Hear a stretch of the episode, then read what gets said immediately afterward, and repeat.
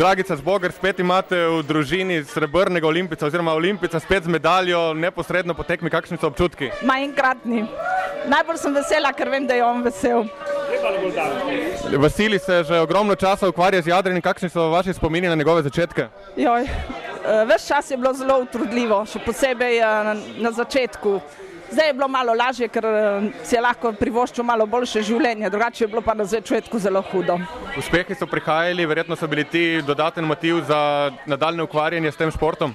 Ja, seveda, eh, ko je bil slab, je vedno rekel, zdaj pa vse zapustim. Potem pa je šel na drugo regato, je bil dober, pa je rekel, zdaj bom pa spet nadaljeval.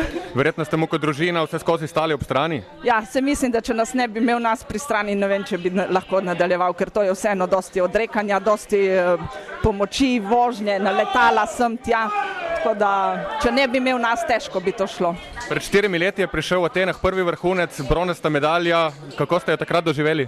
Ma, mislim, da podobno kot danes, mogoče danes še malo bolj z veseljem, ker nismo tega pričakovali. Tokrat je medalja še toliko bolj žlahtna, pa še med favoriti je bil, tako da je bila mogoče težje dosegljiva.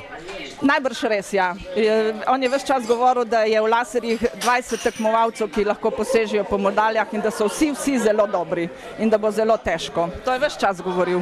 Ste bili vse čas igr z njim v zvezi, preko mailov, preko telefona? Ja, vsak dan smo se pogovarjali na Skypu, tako da je bil zelo sproščen, tudi sem ga čutila, da je poln pozitivne energije in da sem bila vesela, ker sem videla, da je dobre volje, da jadra z veseljem, da ve, da je dober in da lahko naredi vse. Poleg države in seveda someščanom mu boste verjetno tudi doma pripravili prav poseben sprejem. Ma, jaz mislim, da ja.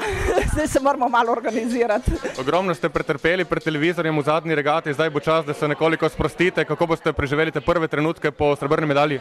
ne vem še, ne vem, ne vem kako bo. Hvala in srečno. Ja, hvala.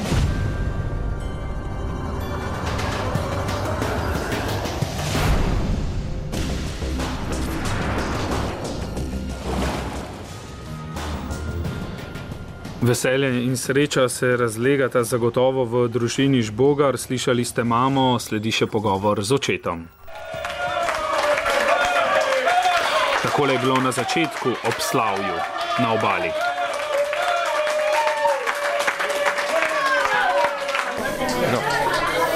Slavko Žbogar, neposredno po srebrni medalji vašega sina, kakšni so občutki, spet imate v družini medalista z olimpijskih iger? Ja, zdaj me bo koštal, uh, fešta me bo koštala malo več.